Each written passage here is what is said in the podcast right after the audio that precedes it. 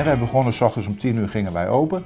Nou, dan hadden we de, koffie met tosti en de mensen die dan bij moesten komen van, uh, van de kater, die kwamen dan even langs. Maar we gingen wel tot s'nachts nou, drie, drie, uur door, schoonmaken, nazitten, dus dan was het 5, 6 uur. Dus voor een partner was dat gewoon een kansloze missie. Dus ik was uh, in die tijd ook vrijgezel en dat was me goed ook. Toen was ik met Jacob Ritsma, die was op zijn manier ook kok. Stel je daar niet al te veel bij voor, maar goed, op zijn manier was hij kok. En uh, toen ik wat ouder werd, mijn, mijn vrienden die kregen allemaal bedrijven en zo vroegen ze mij een keer om wat te gaan cateren. Nou, prachtig, dat ga ik even regelen. Tuurlijk, wat gaan wij doen? Nou, met zo'n oude smurwenbus had ik dan. En dan ging daar allemaal uh, spullen in en ik huurde wat materialen in. En dan gingen wij op onze manier al cateren. Ja, laten we eerlijk wezen Henk, daar ging ik natuurlijk best wel even nat. ik had natuurlijk die kroeg gehad met die studenten. En dat was natuurlijk de ene, de ene successtory naar de andere. Maar nu werd het wel serious business. Ja. En daar heb ik mij best wel een beetje op verkeken. Dus ik zei tegen net, ja, ik zei, weet je wat ik eigenlijk wel heel graag zou willen? Is gewoon weg, varen. Ik zei, we moeten eigenlijk gewoon een, een, andere boot kopen. En dan wil ik gewoon de wereld wel met jou ontdekken. Nou, want ja, Jeanette die zag het plan wel zitten, maar we moeten wel enige mate van comfort hebben. En die kinderen moeten natuurlijk ook goed, uh, goed er doorheen. Want dat was mijn, mijn belangrijkste. Die kinderen mogen hier niet te dupe van worden. Dus de school moet door. Hè. Dat was nog wel even een dingetje. Ja. Maar dat was natuurlijk leerplichtig. Dus ja, dat moest allemaal wel, uh, wel gewaarborgd zijn. Ik zei, als we dat niet goed kunnen regelen, dan gaan we niet. Beste kijkers en luisteraars, welkom bij weer een nieuw programma van Zitten met Henk. En we zijn vandaag in Leeuwarden bij een heel mooi bedrijf. Het bedrijf heet Onder de Luifel Catering en Party Service. En ik zit hier tegenover de directeur-eigenaar Huip Jan de Graaf. Huip Jan, bedankt dat, je, dat we hier mogen komen, hebben mogen komen. En, uh, nou, de koffie is uitstekend moet ik zeggen, om, om, om met de deur in huis te vallen. Nou, goedemorgen Henk, leuk dat je er bent. Ja. Ja, bijzondere dag. Een bijzondere dag. Leuk dat je mij hiervoor gevraagd hebt. Ja. En fijn dat wij eraan mee mogen werken. Ja, nou, ik, ik, ik, want ik ben natuurlijk wel heel benieuwd van hoe kom jij in deze wereld terecht en hoe is dat, ja, hoe is dat ooit begonnen? Ja, hoe is dat ooit begonnen? Dat is al best wel lang geleden, Henk. Ja. En wat, wat zie je met deze wereld? Bedoel je dan de partyservicewereld of de horecawereld? Nou, eigenlijk wel die horeca, hè? Hoe, hoe dat ooit is begonnen. Ja, je komt uit een, wat voor gezin kom je en hoe, hoe is, waar is dat, komt dat ondernemersbloed vandaan? Want daar ben ik altijd wel nieuwsgierig naar, uh, Huip Jan. Ja, ja Henk, uh, hoe kom ik in de horeca terecht? Ik zat vroeger uh, op school en dat was nou niet echt mijn, mijn sterkste kant. ik vond het ook gewoon niet leuk. En op een gegeven moment kwam ik erachter, ik denk ja, werk is eigenlijk veel leuker dan, dan school. En mijn vader had in de tijd een heel mooi café in de Oude Doelensteeg, Koosbaar Bodega. En uh, mijn vader die, die deed daar steeds minder en ik deed daar steeds meer. En zo kwam ik in de horeca terecht. En uh, dat is eigenlijk best wel raar, want mijn vader zei altijd, wat er ook gebeurt, jij moet niet in de horeca. Oh, en waarom zei hij dat? Nou, dat zag je helemaal niet zitten. Hij zei, dat nachtleven en zo, dat is niet, uh, niet handig voor jou. Jij moet maar in de offshore wereld of zo, dat zag je veel meer zitten. Ja, of, ja. Nou, prima, maar um, dat lukte niet. En um, ik zat toen op school in die tijd op de MDS, de middelbare detailhandelschool. Ik had al vele omzwervingen gehad, bijna alle schoolgebouwen in Leeuwarden, ja, in Leeuwarden ken ik wel. En na vier jaar HAVO ging ik naar de MDS. En wat, waar kwam het van dat je dat niet, jou niet interesseerde? Wat, wat, wat? Ik vond dat helemaal niks. Ik vond dat vreselijk. Al die leraren daar. En natuurlijk heel, heel apart volk, die leraren. Ja. Daar moet je echt mee om kunnen gaan. En dat kon ik niet. En dat Nee, lag niet aan die leraren, dat lag aan mij. Laten we het daarop houden. Ja, ja, Vind precies. Ja, maar eh, toen was er wel een hele aardige, het was ook een goede leraar, er was een decaan, een zekere meneer Nijland. Hij zei, Huip Jan, weet je wat je moet doen? Ik zei, ik heb hier mensen van school zien gaan met een diploma en die staan nog steeds achter de kassa bij de Albert Heijn. En ik heb ze hier van school zien gaan zonder diploma en die verdienen meer dan een ton per jaar. Weet je wat jij moet doen? Maken dat je hier wegkomt. Nou, dat vond ik toen nog wel een uitspraak. Maar goed, het lonkte ook wel. En ik vond het natuurlijk wel leuk. Ik ben een mensenmens en ik vind het leuk om met mensen om te gaan. En ja, ik stond steeds vaker in het café van mijn vader. En ja, dan ging ik mijn eigen weg. En dat, dat, dat veranderde heel erg. Want ik nam mijn publiek natuurlijk mee. En Leeuwarden veranderde. En dat werd eigenlijk heel succesvol. En in 1988, ehm, eh, ja, klopt dat? Ja, 1 januari 88, Ja. heb ik dat toen van mijn vader overgenomen. Oké, en, en jouw vader die, die heeft dat natuurlijk ook jaren gedaan. En hoe, ging dat in, in- hoe was de gezinssamenstelling van jullie? Wat- Had je nog meer eh, eh, broers en zusters? En, eh, hoe Ja, het? zeker. Mijn broer en eh, mijn zus, ik, heb, ik was de oudste en ik heb nog een zus, Jeannette, en een eh, broer, eh, die heet ook Koos. En, eh, maar ja, goed, die waren nog wat jonger en eh, nou, die deden het misschien iets handiger op school. Dat, eh, Ja, ja. ja, die gaan een andere koers eh, gaan varen. Uiteindelijk is mijn broer ook in de horeca terechtgekomen en mijn zus niet. Die, eh, die is nu eh, met acupunctuur. Eh, hoe heet dat, acupunctuur? Ja, dat zou kunnen, ja, nou. ja spelden prikken. Ja, ja. En dat doet ze ook weer heel, heel succesvol. Dus Oh, Oké, wat leuk joh. leuk, ja. Goh. Nou, dus eh, toen kwam je in de horeca. Toen kwam ik in de horeca. Toen ging het on. Ja, Ja, dat was, een, dat was een mooie tijd, Henk. Dat was, eh, ik heb daar, eh, in 1988 begon ik daar. En Leeuwarden was heel erg aan het veranderen. Er werd echt een studentenstad. De Hoge Hotelschool kwam naar Leeuwarden, de Torbeck Academie. En ja, voor, voor die tijd was Leeuwarden eigenlijk nou, het weekend druk. Hè. We begonnen bij ons donderdagavond en het weekend. Maar door de studenten kwam eh, Leeuwarden echt op gang. En eh, ja, was eigenlijk Leeuwarden begon een bruisende stad te worden. En dat was voor ons wel een aanloop naar, naar heel veel succes. Eh wij waren een van de eerste cafés waar het gewoon de hele week door druk was. En ik vond dat fantastisch. Hè. Het was echt, jongen, die, Ja, die, studenten, dat was natuurlijk partytime. Ja. En ja, ik, ik mocht zelf ook graag op stap. Ik ging veel naar Amsterdam. En eh, daar zag ik natuurlijk wat de trends waren en die nam ik mee. En die hoefde ik niet uit te leggen, want al die mensen die bij mij werkten waren die studenten. En die kwamen uit de Randstad. Dus als ik het over een voorbeeld had in een leuk café, de Cool Down of de Surprise Bar of eh, de Bastille, eh, noem ze allemaal maar op uit die tijd. Dat waren de hotspots in Amsterdam. En dan hoefde ik maar één woord te zeggen en dan snapten ze dat. En dat was echt fantastisch. En mijn vader moest daar vreselijk aan wennen. Ik weet nog heel goed. Jouw vader was natuurlijk ook eh, ja, de horecaman van de oude stempel natuurlijk nog. Nou ja, Dus, zeker. Dat was een andere, andere generatie natuurlijk. Ja, ja. En eh, ja, ik, ik was wel eh, op mijn manier hip, denk ik. En ik vergeet nog heel, ik weet, vergeet nooit was hij heel boos. Want we hadden een oud, oud cassettedek staan en daar draaiden we bandjes van Alcas. En ja, in die nieuwe hippe tent, en waren ze DJ's en dan gingen ze die muziek veel sneller wisselen. En ja, dat wou natuurlijk niet met die bandjes. En dat spul was allemaal oud en er zat stof in. En dan weet ik wel, dan stopte dat ding weer en dan tilde ik hem op en dan donderde die 30 centimeter naar beneden. En dan deed hij het weer, weet je wel. Dat was echt vreselijk. Er kwam in één keer een brom in. En dan zat de hele zaak vol. En ik, nou, dat vond ik niet meer. En toen ging mijn vader, die ging eh, weg met vakantie. En was er even niet. En ik waren toen hele leuke jongens van ABC, licht en geluid. Ik zei, joh, ik zei, we hebben een week tijd, die oude is er niet. Ik zei, dan moet al die oude meuk eruit en dan moeten twee eh, cd-spelers in met een draaitafel. En ik wil van die disco-lichten erin hebben.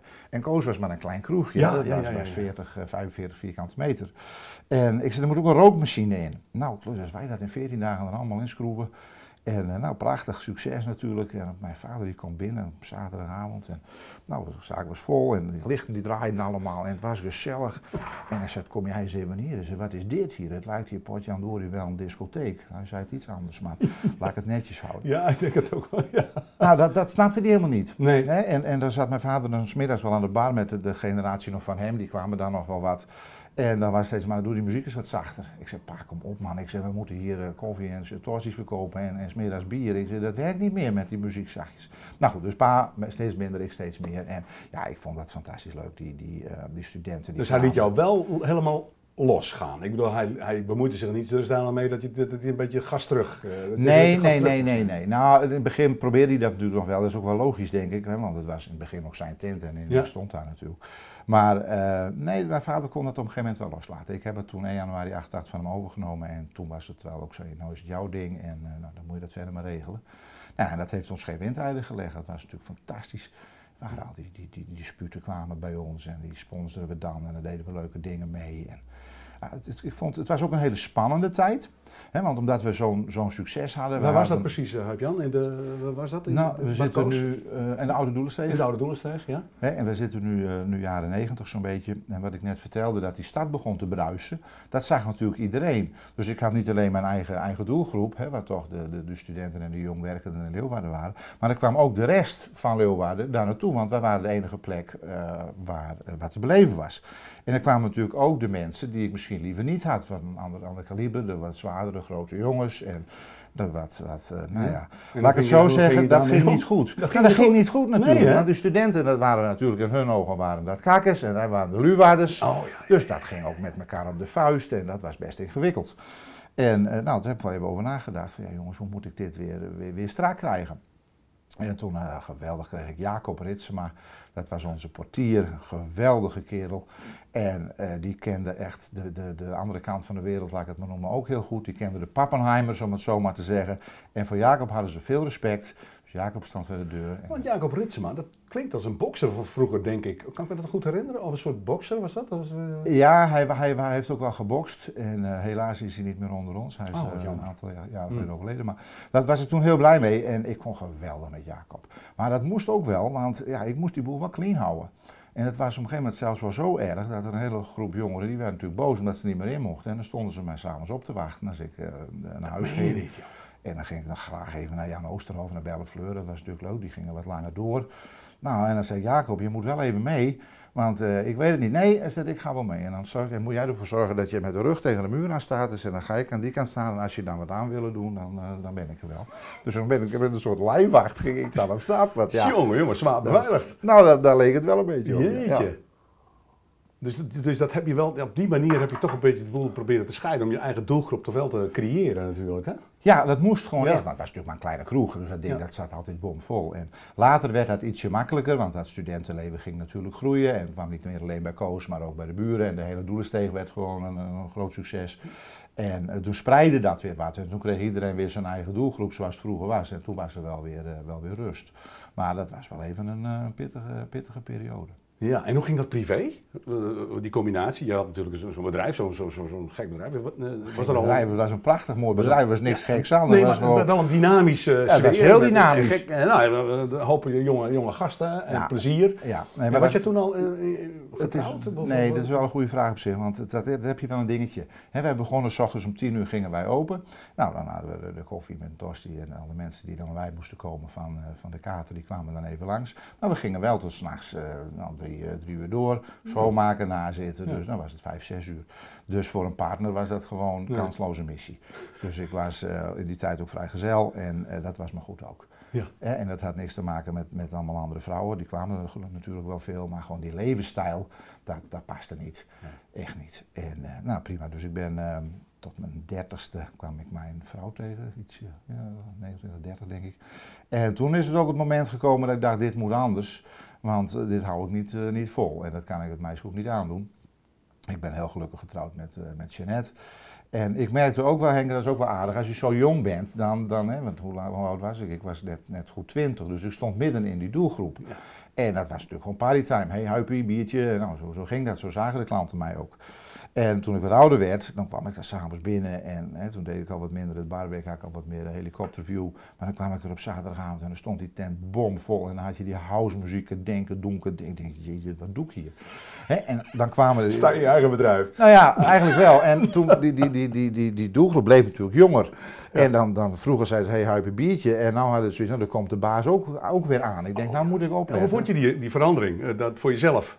Ja. Want het is natuurlijk, je bent dan eerst de, de, de, de, jongen, de getapte jongen achter de bar en dan in één keer dat. Dan ja, maar dat, dat is eigenlijk wel leuk. Maar op het moment dat je daar jong bent en ik stond daar zelf achter de bar, ja, dan, dan is het gewoon feest. En dat was de mooiste tijd. Hè, maar het werd steeds drukker, drukker en drukker en ik werd steeds ouder en ouder. En ja, ik ben het ook wat op een andere manier gaan runnen op een gegeven moment. Nee, ik zeg altijd, je hebt horecaondernemers, je hebt kroegbazen. Nou, ik was dan wel zo ijdel dat ik zei, ik ben een horecaondernemer en geen kroegbaas. Dat was natuurlijk maar een winkeltje. Wat is het verschil daartussen ongeveer? Een horecaondernemer en een kroegbaas? Ja, ik vind dat wel een verschil. Dat, dat, mijn definitie, daar mag ieder ander op een andere manier invullen. Maar ik zei altijd, een, een, een, kroegbaas die staat zelf ook mee achter de toog. En die is het middelpunt van het gezelschap. Hè, en een horecaondernemer die zorgt dat de mensen het naar de zin hebben binnen, binnen zijn bedrijf. Ja. En uh, dat was denk ik wel uh, voor mij de manier om dat te, gaan doen. En op een gegeven moment toen het steeds wat drukker werd, toen kreeg ik natuurlijk steeds meer personeel. En toen heb ik zelf een stapje terug gedaan, maar dat was gewoon niet meer te doen jongen. De, s ochtends vroeg om half acht kwamen de werkster binnen. En uh, half zes gingen de laatste eruit, dus het was bijna een continu bedrijf. En toen heb ik gezegd, nou weet je wat, laat nou mensen werken. En dan nou, deed ik weer wat meer de visie. We hadden één keer in de week personeelsvergadering en dan bedachten we leuke ideeën. En, want daar was ik uit wel gebrand op, dat wij ook ook als het druk is, wel met onze markt bezig bleven. He, je zag heel veel horeca, dat was dan heel succesvol en dan na een tijdje appte dat ja, weer af. Ja. Maar ik zei juist, als het zo druk is, dan heb je die mensen binnen, dan moet je het blijven maken. Dus we gaan altijd wel hele leuke dingen, thema's en, en Spaanse avonden en met rodeo-stieren en barbieravonden. En, en, deed je, en communiceerde je dat ook met de studentenvereniging of zo? Ja hoor, die, ja? Wel zeker wel. Die nodigden we ook uit en uh, omdat we die mensen dan, dan sponsoren, dan hadden ze een shirtreclame en ja, die vonden dat natuurlijk fantastisch. We hebben ook een keer was ook geweldig, zo'n succesding van Carrie Tefsen toen op goed geluk, kan je dat nog herinneren? Ja, dat kan wel herinneren. Nou, dat is natuurlijk prachtig, jongen. En dan hadden wij op goed geluk in Kozenhaken tafels eruit. Dan had ik daar een podium met zo'n waaier. En dan hadden we die tune. En dan kwam ik omgekleed als vrouw, als Carrie Tefsen, de trap aan we hoge haken. Oh, nou, hilarisch. Ik zie het jou doen. Hilarisch gewoon. ja, ja. Maar dat soort dingen deden we wel. En, Ja. en, dat was altijd wel, wel leuk. En daardoor, ja, het was altijd wel boeiend. We waren elke keer wel weer wat. Messelhandel, dan hebben we ook, ook veel gedaan. En En dat allemaal in zo'n klein bedrijf allemaal in zo'n klein, ja. En, en, en dat, dat vond ik ook niet erg, want het kostte best wel wat capaciteit aan, aan zitplekken als we daar eh, iets geks deden. Maar ik zei, dat boeit niet, dus je moet gewoon even wat leuks doen. Gewoon even Ja. doen. En met, met, met die studenten werken, dat is natuurlijk fantastisch. Want dat waren natuurlijk allemaal HBO-opgeleide mensen. Of Tenminste, daar waren ze mee bezig en meestal lukte dat. Dus die snapte het spelletje wel. Ja. En eh, ja, dat hebben we echt wel, eh, ja, dat was heel leuk. En dat ging maar door. Het ging maar door. Tot, eh, tot, hoe lang ging dat? was natuurlijk een succesformule. Dus daar kun je eigenlijk, voor je gevoel, kun je dat heel lang mee doorgaan. Je was inmiddels al, eh, je had een vriendin, net rond de 30, zei je? Ja, ja. Nou, dat, dat kan je even lang mee doorgaan, dat, dat weet ik niet. Ik had op een gegeven moment wel heel erg zoiets van, ja, nu moet ik opletten. Wat ik vertelde toen ik daar s'avonds binnenkwam en er kwam de baas aan in plaats van, hé, hey, huipje biertje. Ik denk, nou moet ik wel, wel opletten. En eh, toen was ik met Jacob Ritsma, die was op zijn manier ook kok. Hè, Stel je daar niet al te veel bij voor, maar goed, op zijn manier was hij kok. En ehm, toen ik wat ouder werd, mijn, mijn vrienden die kregen allemaal eh, bedrijven. En eh, zo vroegen ze mij een keer om wat te gaan cateren. Nou, prachtig, dat ga ik even regelen. Tuurlijk, jongen, gaan wij doen. Nou, met zo'n oude smurvenbus had ik dan. En dan ging daar allemaal spullen in en ik huurde wat materialen in. En dan gingen wij op onze manier al cateren. Dat heette dan CBB Party Management. CBB, Koosbaar Bodega Party Management. Dus zo, eh, zo begon het allemaal. Zo is dat heel langzaam, is dat een beetje, is dat vorm, heeft dat vorm gekregen? Ja, zo, zo, zo, ja, inderdaad. En toen wij die ene klus gedaan hadden, ja, dat was natuurlijk gewoon wel weer heel leuk, want we maakten er natuurlijk gewoon wat van. En eh, toen uit die klus kreeg ik er alweer drie klussen bij. Nou, en toen ehm, dacht ik, jeetje, ik moet eens gaan nadenken van wat ik met, met, met de winkel wil. En ehm, toen zag ik een advertentie in de krant dat eh, mijn voorganger hier bij Onderluifel, Harry Vaster, dat hij aan het overwegen was om eh, te gaan stoppen. En die wou wel een keer met pensioen. En onder de Luifel, dat noem je nu even, eh, was, dat, was ja. dat een bedrijf? Dat was een bekende zuivelbedrijf volgens mij? Ja, onder de Luifel, eh, dat staat vroeger op Stationsweg, hè, naast het Oranje Hotel tegenover het station. Ja. En dat was in die tijd zalencentrum en een, mooie partyservice en een, een restaurant. En eh, nou goed, ik kende Harry goed, die zat in, eh, met mijn bestuur van eh, Horeca Nederland afdeling eh, Leeuwarden. Ik zei, is dat niks voor mij dat bedrijf? Nou, hij zei, dat weet ik niet. Ik zei, dat weet ik eigenlijk ook niet. Nou, dan moet je maar eens kijken. En omdat ik al wat aan het, aan het partyservice was, dan huurde ik bij onder de luifel spullen in. En Ja. dus, nou ja, zo kende ik dat, dat bedrijf wel. En, Ja. Nou, ik denk, misschien moet ik eens van de kroeg af. En ik had een goede medewerker, Jasper. Daar had ik ooit zo, die zei tegen mij een keer, Jasper Heijgers was een mooie kerel ook, die kon het ook echt goed. En zei, nou Jan, ehm ik eh, eh, kom hier wel weer werken, maar of ik stop er straks mee, of ik neem de, de tent van jou over. Nou, best. En eh, toen dat met onder de luifel speelde, dacht ik, god, dat moet toch nog eens even die Jasper vragen wat hij daar nou mee wil. Want dat heeft hij toen geroepen, was misschien een jaar ervoor of zo.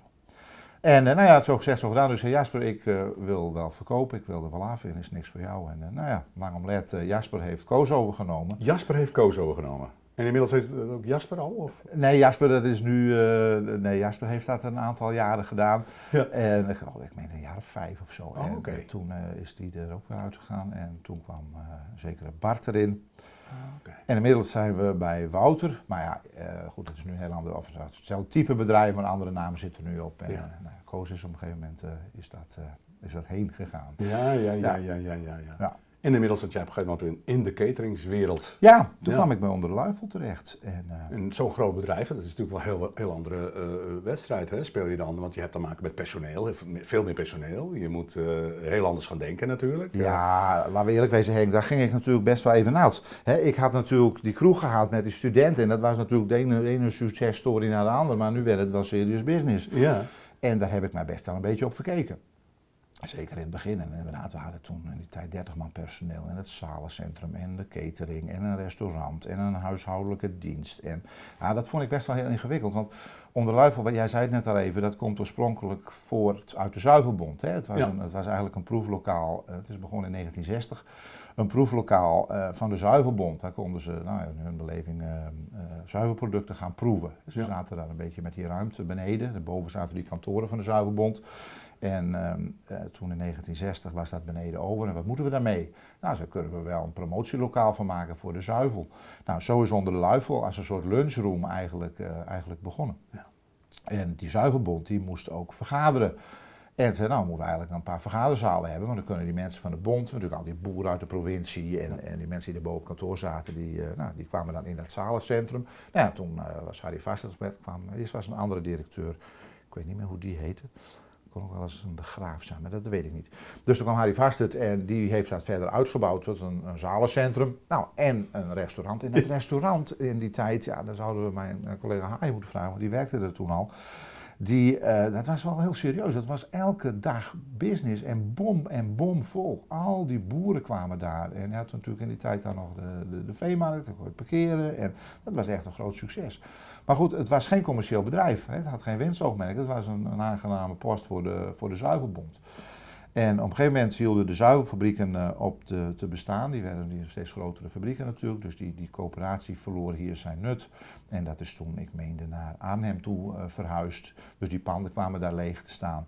En toen heeft mijn voorganger uh, Harry onder de luifel overgenomen van die zuivelbond. Ja. En toen werd het een wat commerciëler bedrijf. Ja. Maar ja, dat was natuurlijk anders. En Harry had ook een, een, een, een andere manier van ondernemen als, als, als ik had. En uh, Harry was ook, als je over oude school hebt, was Harry echt van de oude school. Heeft hij in het begin nog wel meegewerkt toen jij het overnam? Heeft hij nog meegedraaid in het begin? Nee, of, uh, nee, nee, dat wou hij wel graag, of, of hij wou dat. Uh, hij vroeg mij dat wel. Hij zei, vind je dat prettig als ik nog een poosje met je meedraai als een soort adviseur? Nou, ik had wel wat verhalen van mij om me heen gehoord van mensen die dan blijven hangen. Dat is niet handig. Maar ik zei, wat ik wel prettig vind, ik zei, als het dan de laatste maanden nog van jou is, dan kom ik even bij jou meedraaien, even kijken hoe je het doet. Maar ik zei, dan 1 januari neem ik het over en dan is het, is het, wel, is het wel klaar. Nou, dat was, was prima.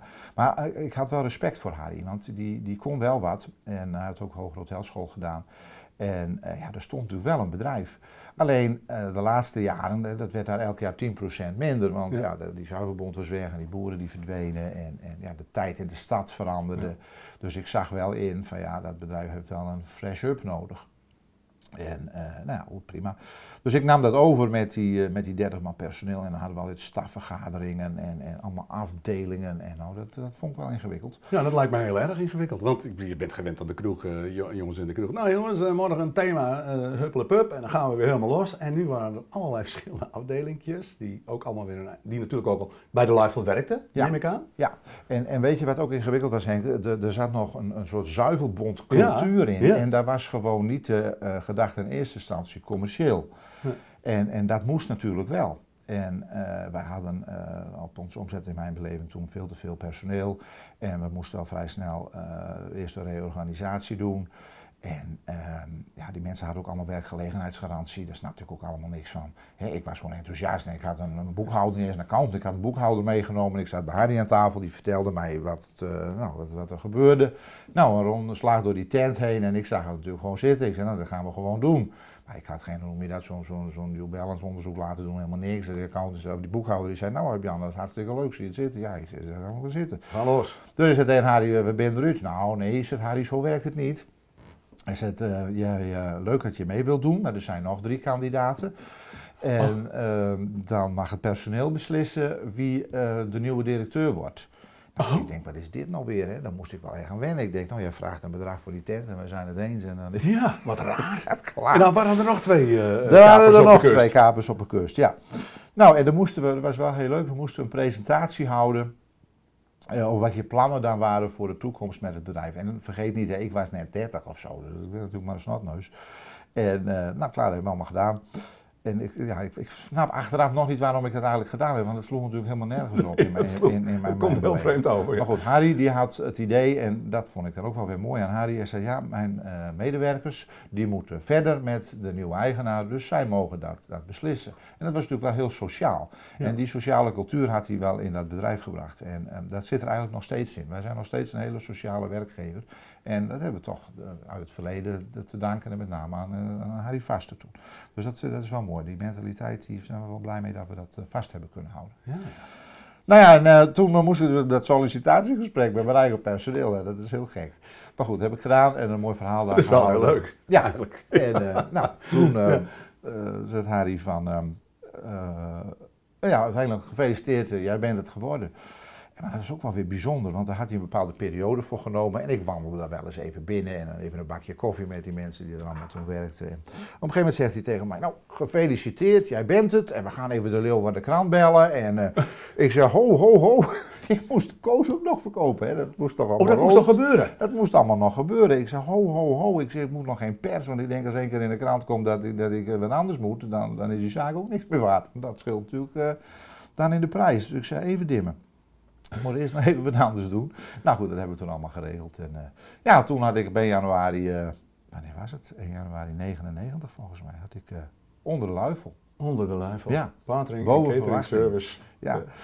En dat doen we nog steeds, ja. Henk. Weer een ja. hele andere tak, van, tak een van sport. Een hele andere tak van sport. Dat is wel erg grote verandering dan in, in jouw carrière. Ja. Ja, ik vond het wel, ik vergeet nooit weer de eerste dag dat ik daar, daar, daar was, ergens begin januari. Ik moest naar een, bruidspaar toe.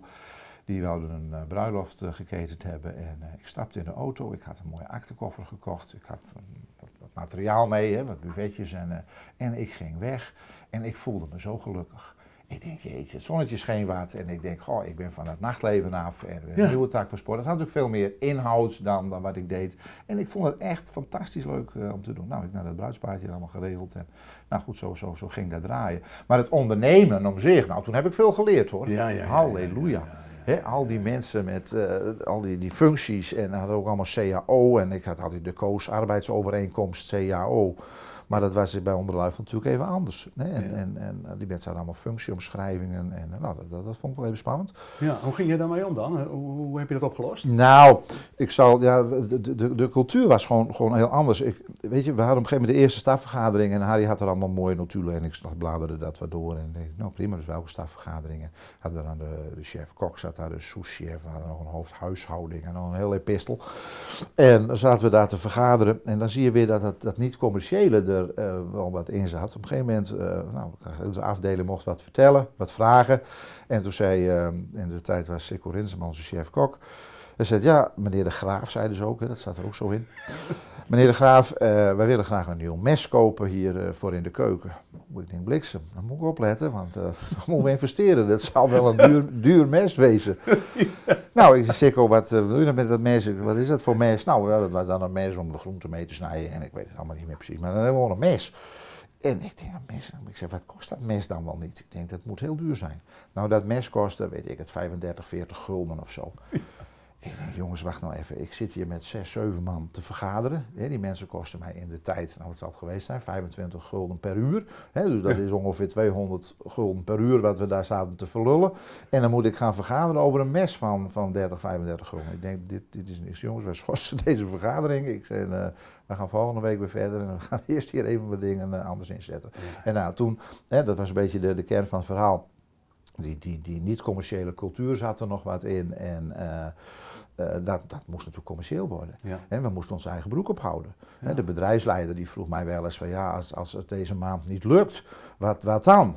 Ja, ik zeg, wat dan? Ik zeg, dan hebben we een probleem. Ik zei, op eens op. Ik zeg, dat, dat, dat moet lukken. Ja, dat moet lukken. Ja, ja, maar vroeger dan kon Harry, die had een half slecht half jaar, dan belde hij naar boven of ze weer even 100.000 schulden over wouden maken, bij wijze van spreken. Dat is een heel groot verschil. Hè? Dat is natuurlijk een heel groot verschil. En, en daar moest mijn managementteam toen ook wel heel erg aan wennen.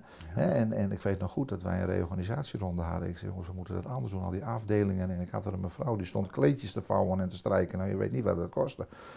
En uh, dat kan niet meer. Ik zei, dat moeten we anders oplossen. Nou goed, hebben we allemaal wel gedaan, maar dat, dat vond ik echt heel ingewikkeld. Nou, dat is wel ja. een, een, hele onderneming. Hele onderneming. Ja. En, en, maar ook wel mooi, want dat sociale wat erin zat. Hè, ik moest toen echt gewoon mensen ontslaan, want dat, dat kon gewoon niet. En... Uh, maar die mensen hadden toch allemaal een contract, een soort vast arbeidscontract? Ja, een vast arbeidscontract. En uh, nou ja, goed, we hebben natuurlijk in, in die crisis gehad toen uh, de Twin Towers in elkaar gegooid ja. werden. Toen donderde de hele omzet van de partyservice weg. Nou ja, toen moesten wij wel schakelen. Maar uh, toen vond mijn eigen staf, toen ik zei, jongens, we gaan reorganiseren, die mensen die gaan eruit. Uh, nou, dat wouden ze helemaal niet. Ja, we kunnen die mensen er niet uitdoen. Ik zeg, maar wie gaat ze dan betalen? Ja, want ja. de omzet was ze gewoon ja. niet. Ja, nee, maar dit was de bedoeling niet. Nou, dat moest wel, wel wennen. Later is dat allemaal uh, goed gekomen. Mensen zijn er overigens wel uitgegaan. We hebben twee reorganisatierondes nog gedaan. En we hebben onder de drive echt geprofessionaliseerd. En uh, dat ging gelukkig ook heel goed. Uh, ik heb toen nog een poosje restaurant uh, gehad, restaurant Oxo. We hebben dat toen verbouwd. Nou, dat ondernemen hebben, dat ging niet goed. Ja. Was ook zo, dat was in hetzelfde pand waar onder de live Daar, waar, waaronder Luiven Ah, zat, oké. ja. Ja. En eh, daar hadden we eh, nieuwe mensen op aangenomen. Nou, dat, was al lastig. De, de, toen we daar een orga- reorganisatie moesten doen, was eh, last in, first out. Dus de nieuwe mensen, ja, daar moesten we afscheid van nemen. Ik bleef met, de- met, de- met oudere mensen met langere dienstverbanden zitten. Dus ik kreeg daar kwaliteitsproblemen. Eh, de, de, de focus lag op de partyservice, hè, want dat was 70% van onze omzet. En Ja. het restaurant was 30%.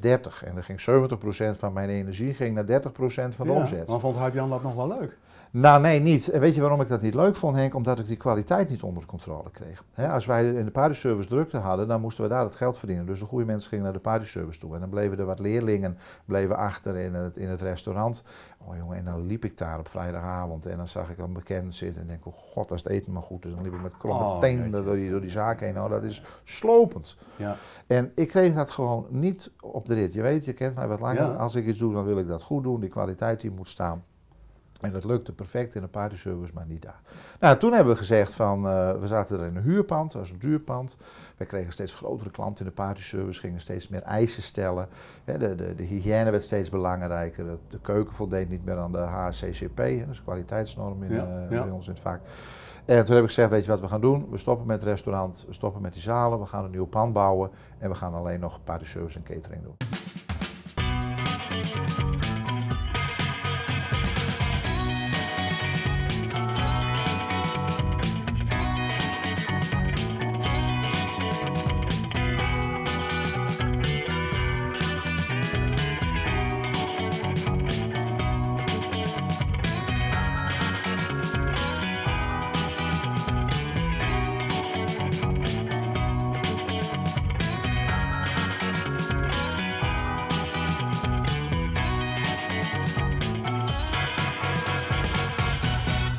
Ging dus eh, nieuw bouwen. Je hebt natuurlijk ook mensen van het eerste uur ook, meegenomen, de personeel. Hoe heb, heb je dat ingevuld? Ja, dat is, dat is ook wel heel bijzonder en ehm, daar ben ik ook wel heel dankbaar voor.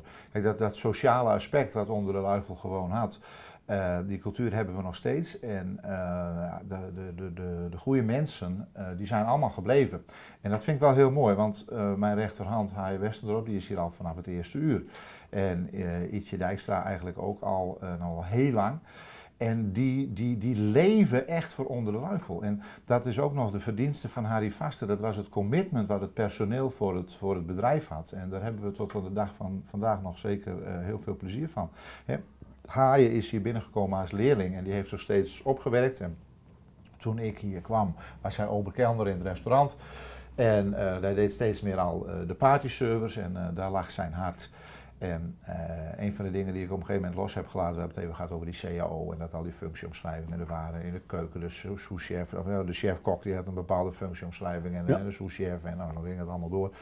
En daar geloofde ik niet zo in. En ik zag ook wel dat die mensen die, die hier werkten, die hebben hun kwaliteiten en die zijn ergens goed in. En dat moet je uitbuiten. En daar geloof ik sowieso heel erg in. Je moet dingen doen waar je goed in bent, die vind je ook leuk en daar ben je ook succesvol in. En als je mensen dingen moet laten doen die ze eigenlijk niet willen, dat gaat gewoon niet Nee, werken. dat gaat niet lukken. Dat doe ik zelf ook niet. Nee. Hè? En eh, nou, het was wel heel leuk, dat heb ik in de keuken ook gezegd, jongens, ik zeg, we doen ietsje anders. Ik zei, die, die, die chef-kok van ons, die heeft een hekel aan calculeren. Ik zei, die sous-chef, die vindt het prachtig, die kan dat ook, laat die nou die inkoop doen. Ik wat een waanzin, laat nou de, de chef-kok gewoon de productie doen. Nou, en eh, dat hebben we eigenlijk altijd eh, vastgehouden. En zo was het met Haai ook, die, eh, die gedijde geweldig in die, in die, in die partyservice. En eh, die heeft zich echt helemaal opgewerkt van, eh, nou ja, hij begon toen bij Harry Vastert als leerling, maar nu is hij directeur. Ja. Dus hij is ook meegegaan in dat commerciële traject. ja, hij is ook meegegaan in, die, in, die, in dat veranderingsproces. Ja, dat hele proces, ja. en, en dat is best wel eens ingewikkeld geweest, maar eh, op een gegeven moment wel gesprek met hem gehad. Ik zei, wat wil je nou? Ik zei, ik wil best nieuw gaan bouwen, maar niet zonder jou. Want, want ah, haaien is onder de luifel en, en Ietje denkt ook onder de luifel. Dat is zo, zo fantastisch. De jongens die staan altijd voor het bedrijf klaar en die, die kijken niet naar uren en, en die, ja, die, dat is gewoon hun passie. Nou, Ja. dat is heel mooi. Het is ook wel eens ingewikkeld. Maar goed, eh, met name heel mooi. En toen heb ik gezegd van, weet je, eh, dit gaat hier niet meer werken op die stationsweg. Het pand wordt te oud en ik wil best weer mijn nek uitsteken. Natuurlijk een dikke investering die we hebben gedaan. Maar ik zei, dan moeten jullie wel mee. Dit is het plan. Of we gaan met z'n allen mee. Of we gaan het niet doen, of je mag ook afvloeien. Nou, iedereen ging toen mee en, en uh, nou goed, de, de, mensen op kantoor en zo, dat vond ik ietsje minder spannend. Maar de basis van het bedrijf, de chef Kok, uh, Haai Westendorp, Ietje Dijkstra en, en ik zei, dat moest natuurlijk wel staan. Ja. En dat vond ik wel heel mooi, want we hebben ook echt met z'n allen dit hele nieuwe pand uitgedacht. En ja, daar zijn we mee, mee gaan draaien en Haai die deed, deed steeds meer. Mijn vader werd ziek. Dus ik wou wat meer tijd met mijn vader doorbrengen. En toen werd Haaien zijn rol in het bedrijf nog groter. En pakte hij ook het laatste stukje wat ik altijd nog deed, uh, pakte het op. Ja. En dat was heel goed. Want, uh, nou ja, nogmaals, zij, zij, leven voor die tent. Ik ben meer de ondernemer. En uh, dat was ook al in de tijd dat ik koos had. Toen ik zelf een stapje terug deed, kreeg ik wat beter helikopterview. En toen gingen we eigenlijk, die groei ging eigenlijk heel mooi door. Ja. En dat is, dat is hier denk ik ook. Haaien voelt zich heel senang in het werk wat hij, waar hij goed in is, waar hij Ja. blij van wordt. Ja. Maar hij zegt, ja, ik, ben niet dat stukje ondernemer, dat hoeft voor mij niet. Nee. Die, die stress en dat risico wat je dan loopt. Nou, ik zei, dan doe ik dat wel. En eh, dan eh, doe jij eh, eh, het bedrijf. Nou, dat vind ik fantastisch. Dan doe ik het samen met Ietje, de chef. Nou, prachtig. Dus dat hebben ze zo goed gedaan. En eh, dat vond ik ook weer heel bijzonder. Want nadat mijn vader was overleden, ik kreeg kanker in 2007 is hij overleden. Ja. Toen eh, begon ik mezelf wel af te vragen, jeetje, wat, wat, wat, wat wil ik nou met mijn leven? En dat is toch Ja. even zo'n zo'n Dus paal. dat, dat was eigenlijk het moment dat, je- toen, toen je vader overleed, dat, dat, dat, daarna dat je dacht van, ja, wat... Nou, mijn vrouw attendeerde mij er op een gegeven moment op. Hè, ik ben Oh, je vrouw heeft het er niet over gehad, daar was, je- was, was je inmiddels mee getrouwd. Daar was En- ik inmiddels mee En getrouwd, had je dan al kinderen ook? hè? Ja, ja, zeker. Maren en Linde. Maren is geboren in 2004 en Linde in 2007. Oké. En ik ben getrouwd in 2006. Dus ik had al één dochter. Ja. En ehm, nou ja, goed, ik, ik leerde Jeannette kennen ergens in eh, 1998. Dus dat was net het moment, hebben we het ook al even over Ja. gehad, dat ik mijn koos zoiets had van, ja, Ja. jeetje, als ik een gezin wil op- opbouwen, moet ik uit dit nachtleven Ja. En, dan Nou, dat was gelukt. hè? Ja, dat, dat is prima. Ja, en daar ja. was het onderuit natuurlijk ook een hele mooie, mooie stap in. Ja. En hè, toen werd het, wat ik al vertelde, wat, wat minder s'nachts. En nou ja, het was, had toch veel Helemaal meer goed. inhoud. Nee, dus dat, dat ja. paste, ik, eh, paste goed bij mij. En ehm, toen mijn vader was overleden, toen eh, was een poosje later, zei Jeanette tegen mij, mijn vrouw, van God, Huip, ja, je moet eens even nadenken wat je wilt. Want, want vroeger nam jij de telefoon op en dan was jij spontaan enthousiast en dan kwam er een mooi verhaal. Ja. En nu, dan doe je eerst een diepe zucht. Ach, En eh, nou, het, waren natuurlijk eh, ja, wel moeilijke tijden. Die, die crisis kwam eraan, 2009.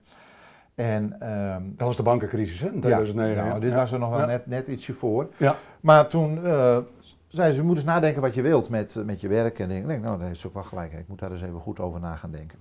En denken, wat wil ik nou eigenlijk? En dat vond ik wel lastig. En eh, er waren een paar dingen die mij op dat moment eh, overkwamen. Ik had een goed boek gekregen van een vriend van mij.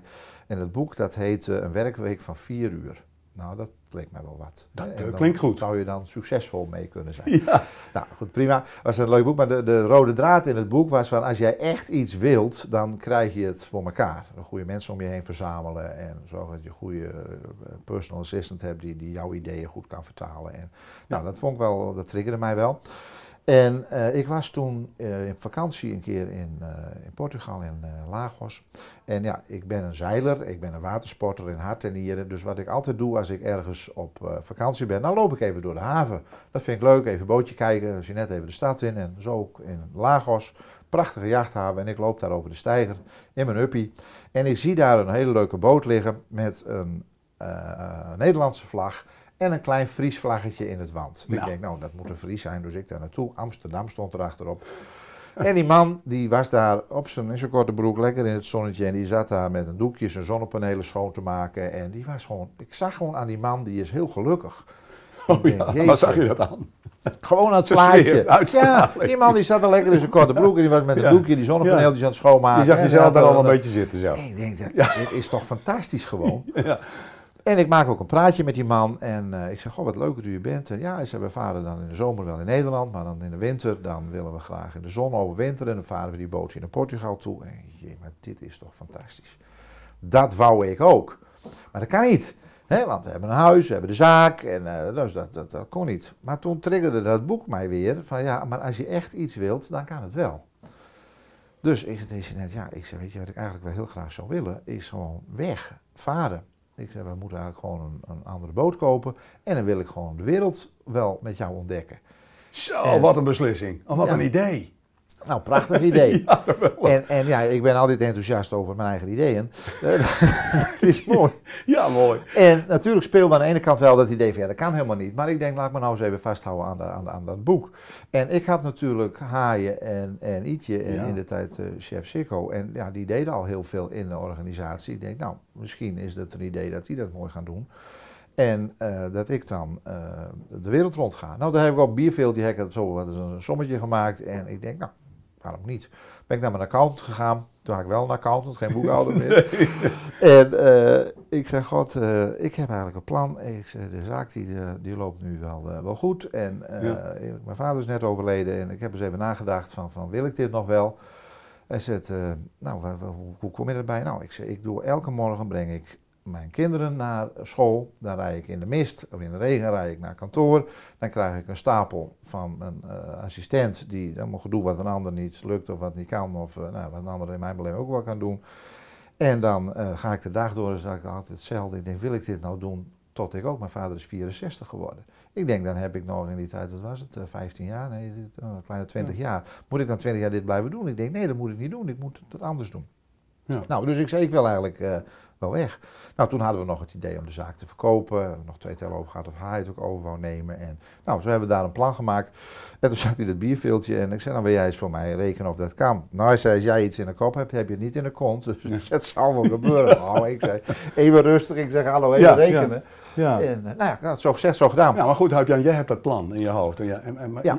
je vrouw gaat, die, die zal ook mee moeten, toch? Dan? Ja, nou, dat vaak zegt iedereen. Hoe, hoe, hoe ga jij daar mee? Nou, Jeanette ging niet mee. Dit is echt een project, dat moet je samen doen. Anders Ja, lukt dat anders natuurlijk lukt het nooit. lukt dat niet. Nee. En eh, dus daar hebben we natuurlijk samen wel, wel al over gesproken. En we hadden nog een aardigheid. We hadden twee kinderen. Ja, Hè, en die moesten ook mee. ook niet onbelangrijk. Dat is ook even een dingetje. En eh, dus daar, daar hebben we nog wel, eh, wel even over nagedacht. Maar eerst moest die zaak goed, goed opgelost worden. En we hadden natuurlijk toen de tijd wat tegen. En dat is ook wel weer mooi. We hadden dat plan klaar en nou, moeten we dat zo gaan doen. En eh, moest huis verkocht worden. En eh, nou, hier, hier met de zaak hadden we een plan. Maar goed, de crisis die denderde door. Mijn huis had ik verkocht, maar die beste meneer die kon het niet betalen. Dus ik Och. kreeg mijn huis weer terug. De zaak, eh over gesproken, nou die crisis die denderde door. Dus het was ook geen moment om, om die zaak te verkopen. Want we draaiden dat jaar een, een dik verlies. Ach. En eh, toen zeiden we, nou oké, en nu? Nou, dan zeg je natuurlijk van, nou, maar even uitstellen. Nou, Ja. ik zeg van uitstel komt afstel. En op zee ook, als je naar een doel wil, dan moet je koers houden. En ik zeg, je net als het niet kan, zo het moet, dan moet maar zo het kan. Ja. En eh, toen heb ik een gesprek gehad op een zaak. En dan zeg joh, als we het nou zo doen dat, dat jullie de directie voeren, ik blijf gewoon aandeelhouder. En eh, dan kunnen jullie dat gaan doen. Nou, zegt hij, dat vind ik wel een plan. Maar dan moet er wat commerciële versterking bij. En dan, dan redden we dat wel. Nou, dat hebben we het over gehad en dat was een plan. En mijn huis, ik denk, ja shit, nou, ik denk dat kan ik ook wel verhuren. Oh. En dan proberen we dat. Ja. Dus ik een eh, bevriende makelaar bellen. Ik zei, joh, we hebben een nieuw plan. Ik zei, eh, gooi het maar in de verhuur als het niet verkocht wordt. En nou, wonder boven wonder, dat geschiedde ook. Dus we hadden een goede huurder. Nou, en toen moesten we natuurlijk het plan afmaken om die reis eh, door te zetten. En nou, dat hebben we gedaan. Ik had in de tijd een motorboot, die hebben we verkocht. We hadden een zeilboot gekocht waar het mee kon. Ja, en toen zaten we nog even met de Een zeilboot gekocht waar het mee kon. En wat moet ik dan aan denken? Hoe groot moet zo- zoiets zijn? Nou, dan moet je, er moet een goed zeewaardig schip zijn. Ik had toen een Halberg Rasje 53 eh, gekocht. Een mooi zeewaardig schip van 16 meter. Ah, Oké. En eh, nou, prima. Maar dat moet natuurlijk wel, want ja, Jeanette die zag het plan wel zitten, maar we moeten wel enige mate van comfort hebben. En die kinderen moeten natuurlijk ook goed, eh, goed er doorheen. Want dat was mijn, mijn belangrijkste. Die kinderen mogen hier niet de dupe van worden. Dus de school moet door. Hè, dat was nog wel even een dingetje. Ja. Maar dat was natuurlijk leerplichtig. Dus ja, dat moest allemaal wel, eh, wel gewaarborgd zijn. Ik zei, als we dat niet goed kunnen regelen, dan gaan we niet. Maar goed, dat kan je allemaal regelen en dat hebben we ook allemaal goed geregeld. En ja, toen gingen we op wereldreis. Het 2010 hele gezin. zijn we inmiddels, ja, met het hele gezin. Zo. Ja, was heel, heel, heel bijzonder. Dat is spannend, man. Ja, aan de ene kant wel Henk, maar aan de andere kant, als je één keer dat, dat plan hebt en die trein die gaat weer rijden, dan gaat het gewoon gebeuren. Ik had wel met Jeanette een paar dingen afgesproken. Maar wat een beslissing. Hè, want je, je bedrijf is niet optimaal. optimaal. Nee, nee, dat was zeker verre van. En, en die crisis die denderde natuurlijk Ja. ook wel door. Maar het had ook wel weer voordelen, want eh, ik ging eruit. En eh, dus mijn eh, salarispost die, eh, die werd een stuk minder. Dat scheelde een stuk. En, eh, Jij kon leven van de wind. Ik kom uh, leven van de wind. Zij Hij- nou, heel flauw, iedereen zegt, wat doet hij ervan? Maar ik denk al, dat is een dooddoener. Maar eh, heel eerlijk, ons huis hadden we verhuurd. Nou, dat leverde wat op. En nou ja, zo Ja. een stukje inkomen nog. En dan konden we dat wel, wel financieren. Maar, ehm, wat zou ik nou vertellen? Oh ja, die, die, eh, die crisis die denderde natuurlijk door. En daar heb ik wel groot respect voor. Het managementteam waar er toen zat, Haaien en Ietje en, en Sikko. Die hebben echt ontzettend goed op de winkel gepast. En dan zie je toch weer die passie voor het bedrijf. Gewoon geen concessies, zuinig, consolideren, kwaliteit overeind houden. Loyaliteit. Ze krijgen u zeer er net onder. Nee, mooi. En die hebben het ontzettend zwaar gehad, maar die hebben dat, dat heel erg goed, eh, goed gedaan. Dus uiteindelijk, ja, ik ben om die crisis heen gezeild, zeggen ze wel eens. Ja. Hè? Want ik ben natuurlijk van 2010 tot 2014 weg geweest. Nou, Dus vier was, jaar eh, ben je weg geweest gewoon. Ja, ik ben vier Van jaar- deze wereld eh, eh, uit Nederland, dat drukke landje. Ja, maar ik had hier ook niks te zoeken, Henk. Het was crisis. Ja, Eh, dan moet ik wegwezen. Dan moet ik hier niet zijn. wegwezen. Maar goed, dat, eh, dat was op zich wel, eh, wel heel mooi. En eh, nou, toen hebben wij die, die, die stap gemaakt en we zijn weggegaan. En ja, dat was wel een dingetje. En ik heb wel met mijn vrouw afgesproken, zei, weet je schat, het, ehm, het, het kan best zijn dat het misgaat. Hè? Wij kunnen hier natuurlijk failliet gaan. En, dat- maar dat kan ook gebeuren als ik er wel ben. Want ik heb nog niet de indruk dat ik het verschil maak. Hè? Ja. Dat, dat, dat kan ik ook op afstand wel doen als het wel zou moeten. En nou, de rest wel kan je nog terug. Maar ik, zei dat, eh, nou, ik heb het, het, idee dat ik het goed geregeld heb. Er zitten goede, me- goede mensen op de zaak. En volgens mij gaat het goed. Maar ik wil het even, even benoemd hebben. Dat we dan geen gedoe hebben van wat hebben we nu gedaan. Nou, dan zetten we de schouders er weer onder. En dan, eh, dan bedenken we weer wat, eh, weer wat nieuws. Nou, en to- zo zijn we weggegaan. En ehm, dat, ging, dat, ging, dat ging prima. Ja. En, en, en had je toen dat gevoel voor die man op dat bootje? Absoluut. En dat, dat plaatje, dat, dat heb ik nog steeds wel heel vaak. En, en eh, dat klopte echt. En ook dat als je iets echt wil, dat je dat moet doen. Dus ik heb niet afgewacht tot die crisis voorbij was en dat dan doen gaan doen. Nee, gewoon koers houden. Ja, en weet je wat het mooie van zo'n wereldreis is? We zijn de hele wereld rondgezeild. We zijn Harlingen eh, begonnen en in Harlingen weer teruggekomen. En eh, helemaal het geëikte rondje rond. En het mooie van zo'n reis is, als je zeiler bent, dan herken je dat wel. Je bent altijd bezig met de terugreis. Hè, want we gaan in de vakantie, hebben we drie weken en dan kunnen we naar Scandinavië. Maar we moeten op tijd weer terug, want anders hebben we slecht weer in de Duitse bocht. Nou, dat is altijd een gedoetje. En dat geeft onrust. Maar als jij een wereldreis maakt, hoef je nooit na te denken over de terugreis. Nee. Want je gaat alleen maar vooruit en dan kom je vanzelf weer terug. Ja. Nou, dat vond ik heel, eh, heel relaxed. En wat ik ook fantastisch vond, is dat je ehm, geen agenda had. Wij kwamen onderweg allemaal leuke mensen tegen. En als wij zeiden, goh, zullen we morgen de vulkaan beklimmen? Dan riepen we een paar mensen, gaan jullie mee? Ja, leuk, leuk, want niemand had wat te doen. We hebben allemaal tijd in de agenda. Hè, Als ik met jou wat wil afspreken, zullen we een keer een hapje eten? Nou, ik Ja. denk dat we drie weken verder zijn. Ja. Hè, voordat het Ah, ons- voordat die agenda's weer... Ja, klopt. Dus lekker En- zonder agenda, lekker eh, helemaal fris in je kop. eh. Helemaal fris Ja. en, en, en, en geen beslongen. En wat ik ook heel fijn vond, ik was Huip Jan van de Sequest. Punt. En hier weet je toch Huip Jan van Koos of Huip Jan van der Luifel. En je bent altijd in een commerciële rol. Want zo zijn wij hier in West-Europa. Ja. En dat heb ik ook onderweg geleerd dat er in andere werelddelen dat heel, heel anders werkt. Eh, maar even terug naar, naar, ik was gewoon Huip Jan van de Sequest en dat was prachtig. Dus je was heel ontspannen aan het varen. En wat ook fantastisch leuk was van die wereldreis is dat eh, je bent met je gezin de wereld aan het ontdekken. Hoe leuk is dat? Ja. Ik was 24-7 bij mijn kinderen. Ja. Ik was niet meer die papa op zondag het brood sneed van wie is die man in de keuken, bij wijze van spreken. Ja. En daardoor krijg je ook een hele bijzondere band met je kinderen. Ja. Ja, want je kent het wel, dus iemand een, eh, valt en een wondje aan de knie en dan eh, huilend naar mama toe. Ja. Maar op een gegeven moment kregen wij het voor elkaar dat het, papa was ook goed. Ja. Hè, want het was ook vertrouwd, want die was er ook altijd. En eh, dat is tot de dag van vandaag, is dat, is dat prachtig, dat je dus met je, met, je, met je kinderen een hele bijzondere band hebt. En dan die wereld ontdekken, en dan kom je ook weer even eh, op dat schoolstuk, want dat was natuurlijk best wel een dingetje. Ze vragen ook wel vaak van, hebben jouw kinderen dan geen achterstand Ja, opgelopen? daar was, daar was ik ook die, wel eh, benieuwd naar, ja. in die, eh, in die periode. Maar nee Henk, alles wat ze op school in een boekje leren, hebben ze bij ons aan boord allemaal live gezien. We hebben de, de handelsroutes gevaren, de VOC-routes, de Passaatwinden, hetzelfde stuk. We hebben de slavernij behandeld, hè, op Curaçao, het Slavernijmuseum, nou ja, door Ja. de VOC en eh, de slavenhandel, al die routes hebben we allemaal gezien. We hebben eh, alle dieren die er op de wereld zijn, nou, bijna allemaal, ijsberen hebben we gemist, maar alle dieren hebben ze live gezien. Ze hebben gezwommen met dolfijnen, ze hebben gezwommen met walvissen. We zijn op, op safari geweest. Ik heb de rillingen over mijn rug, jongen. Ja, maar dat is toch ja, fantastisch? Is toch fantastisch. Ja. En dus al die, die, die, die lessen, die hebben ze gezien. En dat bleek later ook wel, als ze weer op school waren. denken ze, oh ja, dat heb ik gezien. Oh ja, Ja. dat hebben we daarmee gemaakt. Ja. Komodo-veranen. En ja, we zijn in Zuid-Afrika geweest. Nou, fantastisch. Toen wij daar waren, ging, eh, waar is dat? Robbe-eiland geweest. Nou, het hele verhaal verteld van Nel- Nelson Mandela, de apartheid. En een week later ging Nelson Mandela dood. Ik meen de 4 december 2013 of zo. Ja. Dus het hele land stond in het teken van Nelson Mandela. En eh, we hadden net het Robbe-eiland bekeken, dus die kinderen zitten, zaten daar helemaal in. Dat vonden ze natuurlijk fantastisch. Geweldig. Ja. Ja, echt, echt, echt, eh, echt heel erg leuk. We, waren, eh, we staken de oceaan over van Zuid-Afrika naar Brazilië en halverwege ligt Sint Helena.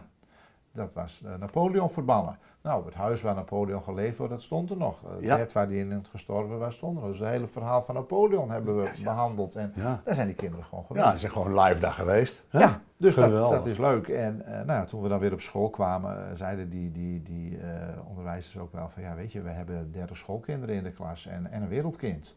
En dat was nog niet zo dat Maren en alles uitblonk of Linde, maar ze waren wel wereldwijs. Ja. En eh, dat is natuurlijk leuk. Engels, ze spreken natuurlijk Engels.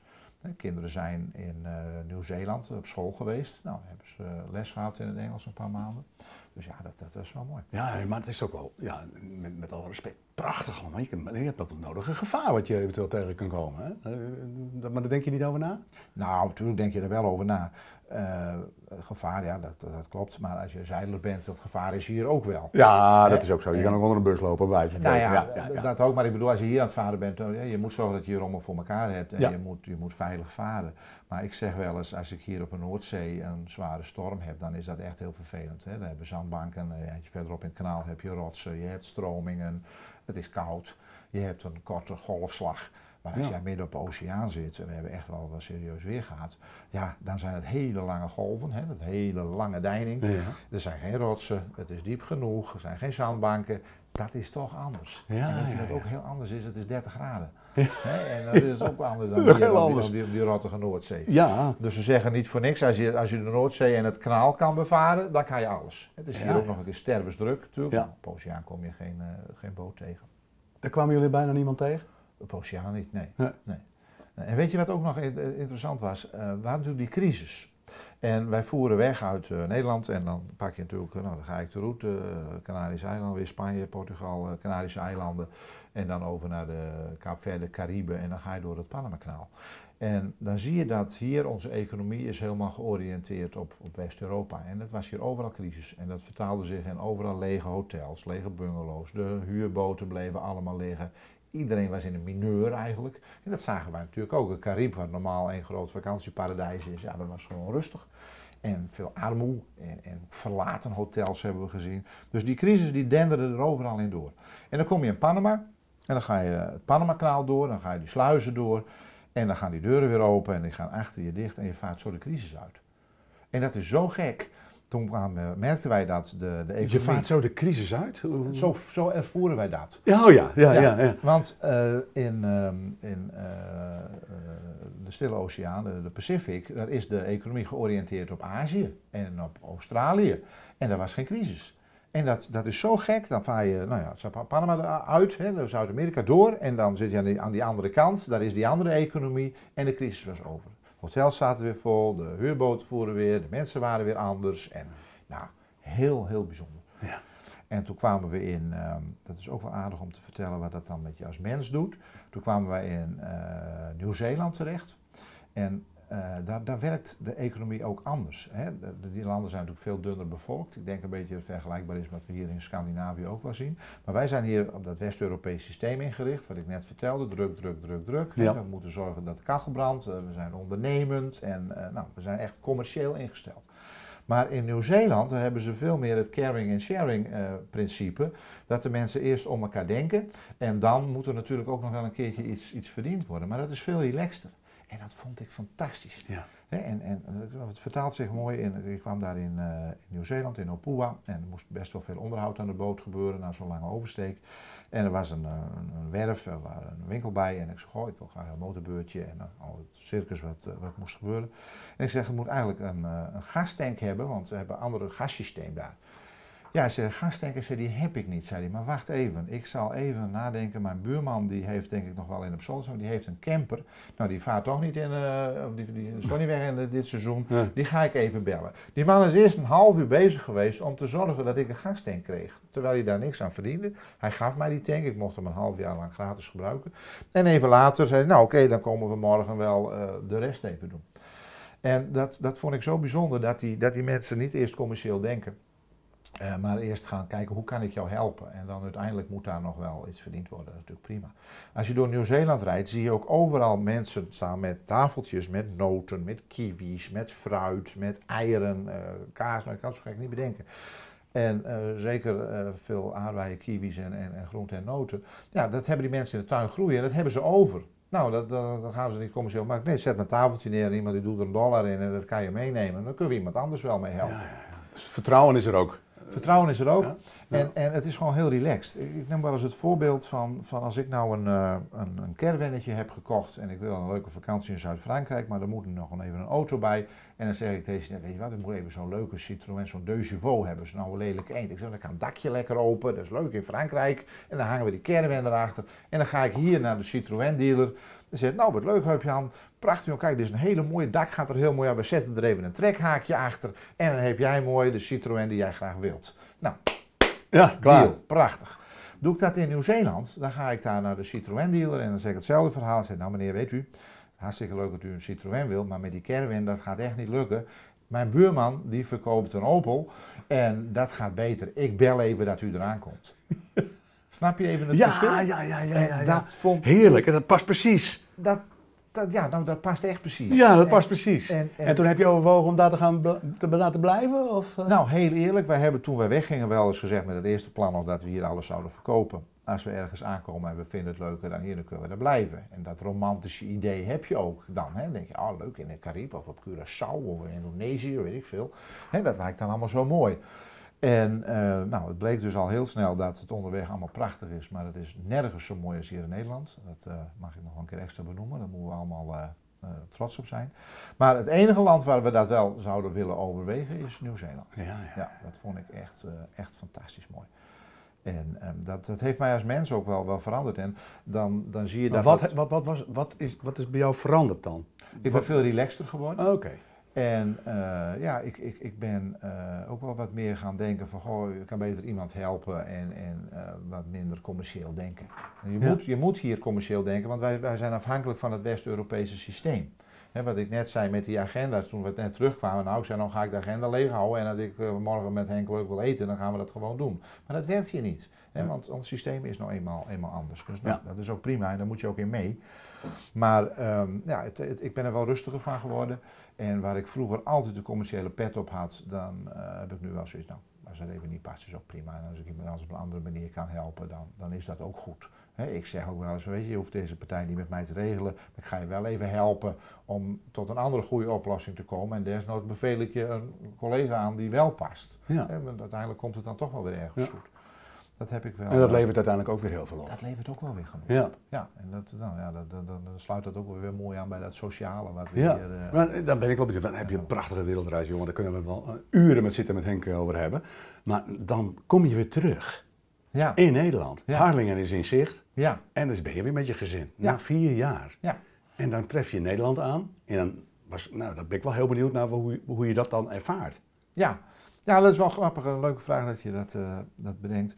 Uh, ik dacht van nou, we zijn weer terug en uh, het gaat allemaal wel gebeuren. En als ik op de zaak wat roep, dan druk ik op een knop en dan hebben we dat ook weer voor elkaar. En ik red me daar wel mee. En nou, wij maakten ons wel wat zorgen over de kinderen. He, want die kinderen hadden natuurlijk vier jaar lang op de boot gewoond en nou zo'n wereldreis gemaakt. En die moeten dan ook weer in dat Europese schoolsysteem. En dat vonden Jeanette en ik heel spannend. Maar het gekke was, en ik zei steeds, nou, wij, wij weten het wel, ik heb hier 40 jaar gefunctioneerd, dus ik pak dat zo weer op. Ja. Maar het gekke was, de kinderen pakten het zo op, die kwamen weer op school en die gingen gewoon weer door. Maar ja, die waren die changementen allemaal wel gewend, Ja. steeds een andere cultuur. Ja. Maar ik dacht, dat vinden ze lastig. Nee, helemaal geen probleem. En ik had het moeilijk. Ik moest wennen weer, weer aan het systeem. Want het hele systeem was veranderd, Henk. Toen ik wegging, dan, eh, nou ja, goed, dat werkte. En ik ging met mijn folder en mijn pakje ging ik naar een klant en dan verkocht ik dat.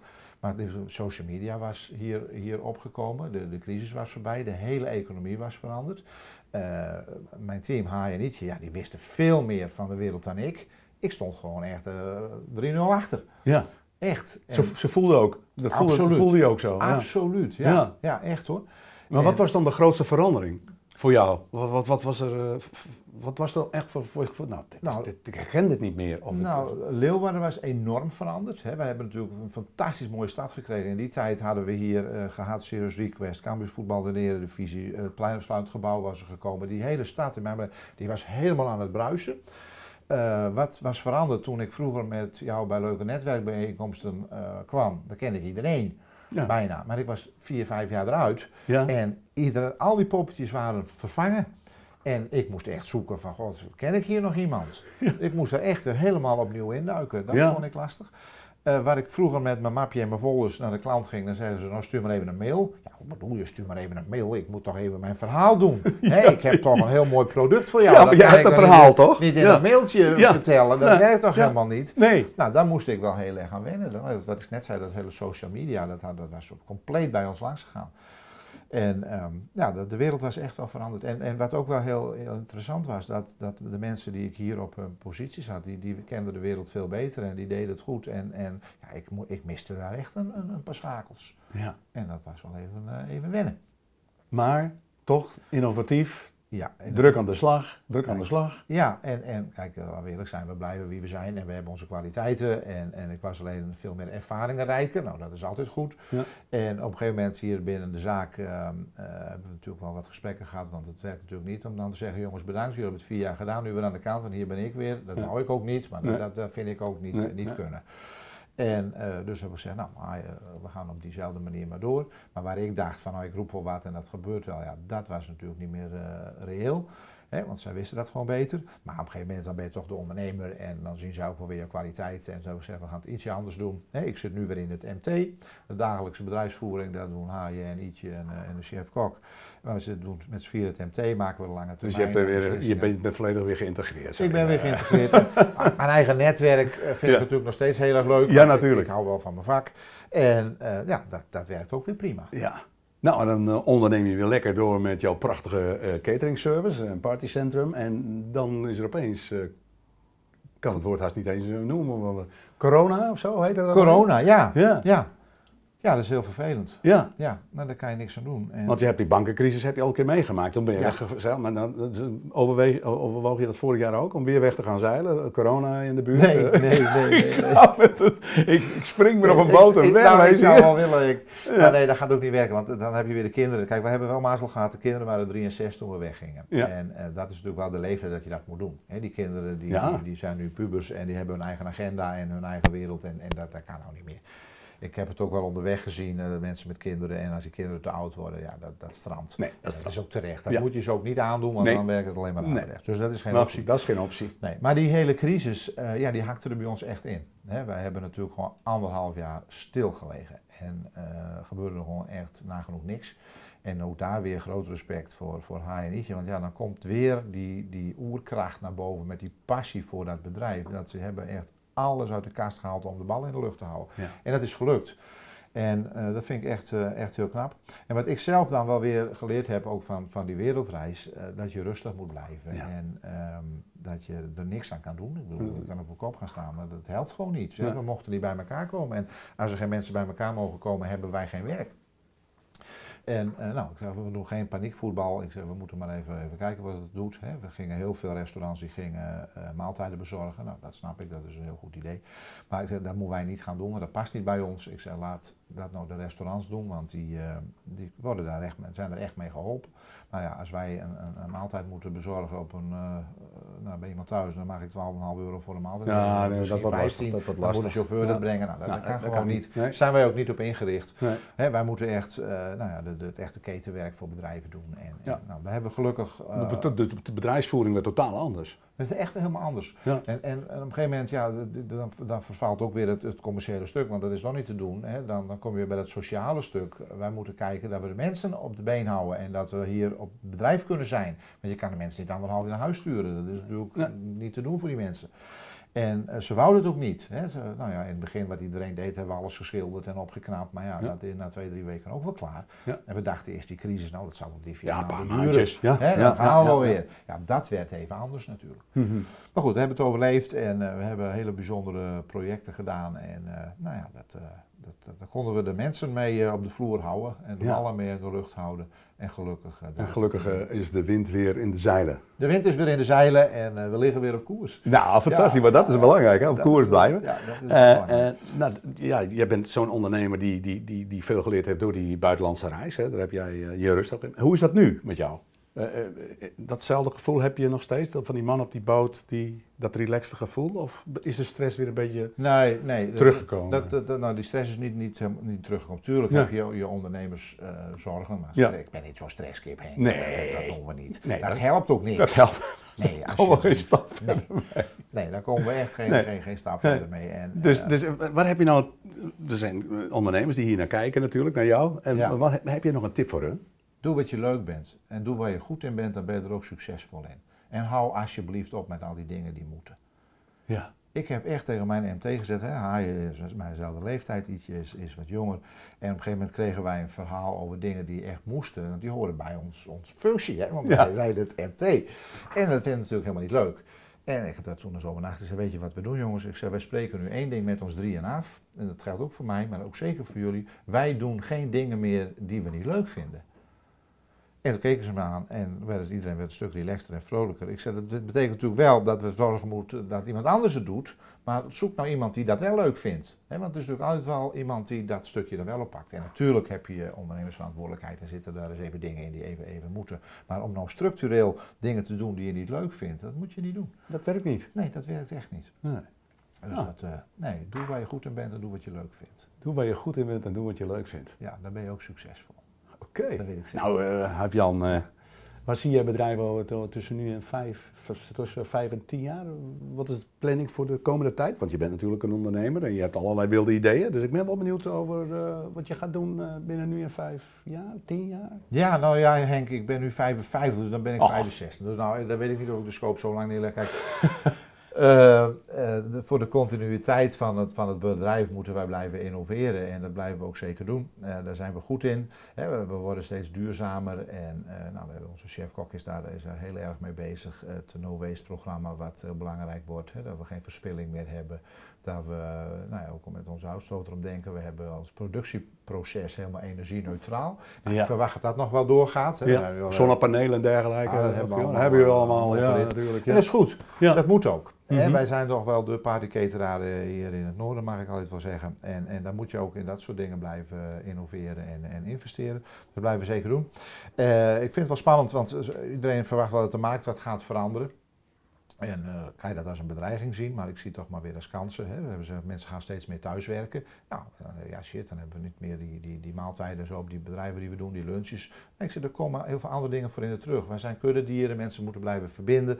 Dus als we meer thuiswerken, gaan er contactmomenten op het bedrijf ontstaan en die moeten weer geketerd worden. Absoluut. Dus daar liggen ook wel, eh, wel weer mogelijkheden. Dus ik zie eigenlijk onze toekomst wel, wel heel roos, rooskleurig in. En ehm, ja, op de middellange termijn moeten we maar eens kijken. Eh hij en ik hebben gezegd van we moeten nog, nog, nog zeker een, een jaar of zeven, acht eh, door. En nou, dan moet er maar dus een opvolger, eh, Ja. opvolger komen. Ja. Maar eh, tot die tijd eh, still going strong. En, Still going strong. we zijn nog niet klaar. We zijn nog niet klaar, We zijn nog Huip-Jan. niet klaar. We gaan gewoon door. We gaan gewoon door. Ja. Hey, bedankt voor dit fantastische gesprek, man. Dankjewel, ik vond het heel erg leuk. Ja, ik, ik vond het ook heel erg leuk. Ik vond het echt bijzonder. Dat is natuurlijk weer echt Henk. En ja, ik moest even naar wennen aan het verhaal. Denk, wat gaat hij nou allemaal doen? Wat houdt het in? Dat zitten met Henk. Maar Henk is gewoon een verbinder. En eh, dat vind ik heel erg leuk. En, en, en je kan iets over jezelf vertellen, iets over mij als ondernemer. En eh, de verbinding met die andere ondernemers die we zitten bij Henk zitten. Ik vind het een hele leuke formule. En ik vond het, eh, het gesprek eigenlijk ook heel leuk.